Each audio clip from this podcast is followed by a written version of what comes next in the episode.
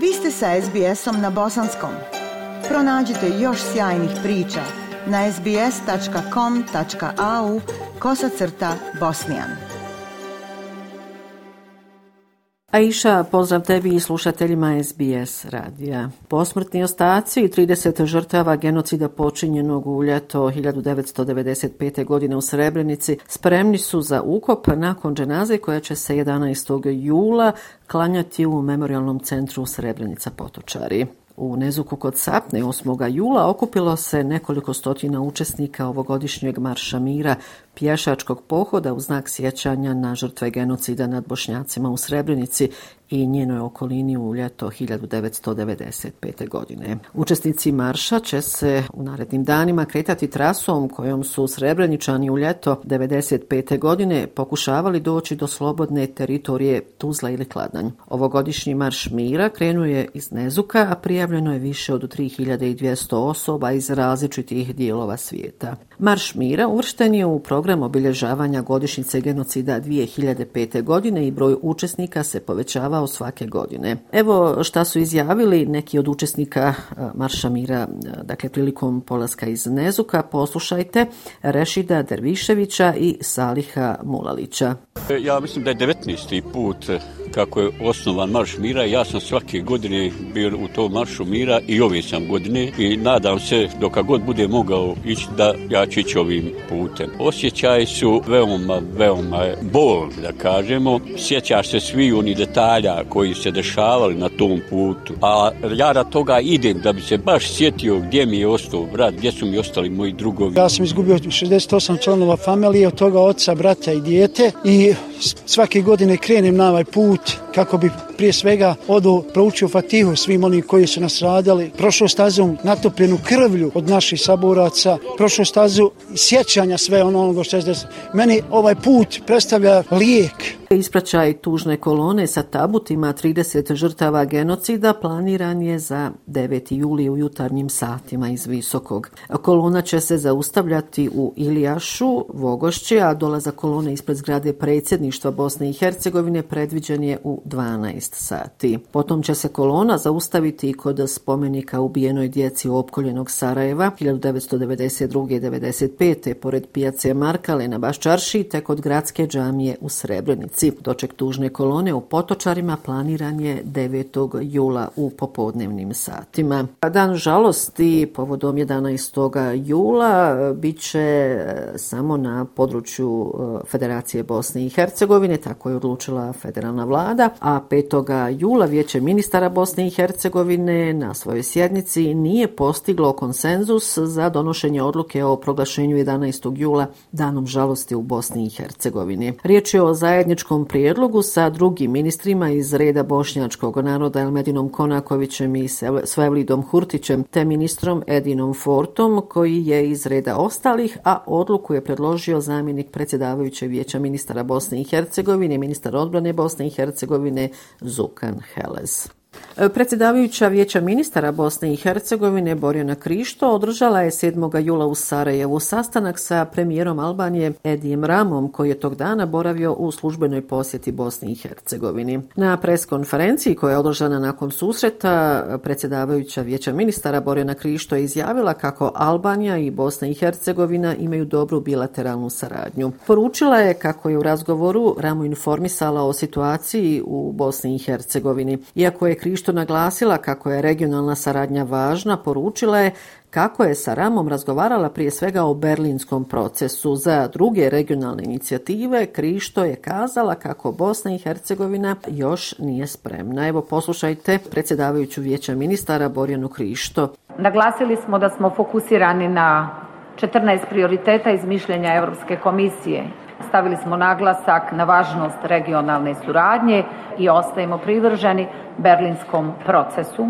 Tako da sam informirala predsjednika vlade o tome da smo dva sporazuma u okviru berlinskog procesa uputili prema instituciji predsjedništva i dobili su potporu vijeća ministara. Nažalost, u ovom trenutku još oko jednog sporazuma nemamo politički konsenzus pa ni institucionalni. Nakon dakle, ovog sastanka novinarima se obratio i premijer Albanije dirama. Nije tajna da štitimo interese Kosova i berlinskim procesom želimo da postignemo slobodu kretanja kako bi to kretanje bilo samo uz pomoć lične karte. To je poručio albanski premijer Edin Rama nakon ovog susreta. Edin Rama je kazao kako je došao u Sarajevo da bi informisao predsjedavajuću vijeća ministara o berlinskom procesu u Tirani u oktobru ove godine. Nadam se da će Bosna i Hercegovina potpisati takav jedan sporazum po uzoru na Srbiju. U oktobru u Tirani bismo trebali zauzeti zajednički stav o svim pitanjima koji se tiču nas i da pokrenemo pitanja koja se tiču svih nas zajedno kazao je albanski premijer Edin Rama. Poslušajte u nastavku njegovo obraćanje medijima.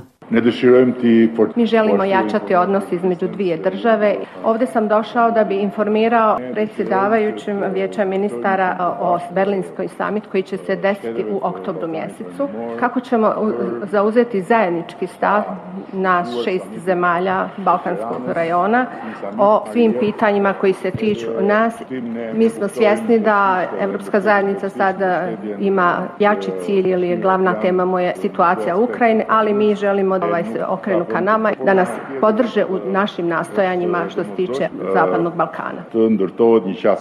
Ovdašnja javnost i dalje očekuje da visoki predstavnik Međunarodne zajednice u Bosni i Hercegovini Kristijan Schmidt povuče nove poteze protiv predsjednika Republike Srpske Milorada Dodika. Dakle, ovdašnja javnost smatra da bi Kristijan Schmidt trebao da smijeni Milorada Dodika sa pozicije prvog čovjeka Republike Srpske. Umeđu vremenu, predsjednik Republike Srpske Milorad Dodik 8. jula podnio je krivične prijave protiv visokog predstavnika u Bosni i Hercegovini Kristijana Šmita i direktora službenog lista u Bosni i Hercegovini Dragana Prusine. Dodik je na svom Twitteru objavio fotografije krivične prijave. On je ponovio svoje stavove da Šmit nije zakonski visoki predstavnik. Ovo je dakle i novi potez Milorada Dodika koji dolazi podsjetiću nakon što je prošle sedmice visoki predstavnik Kristijan Schmidt poništi odluke Narodne skupštine Republike Srpske o nepoštivanju njegovih odluka i odluka Ustavnog suda BiH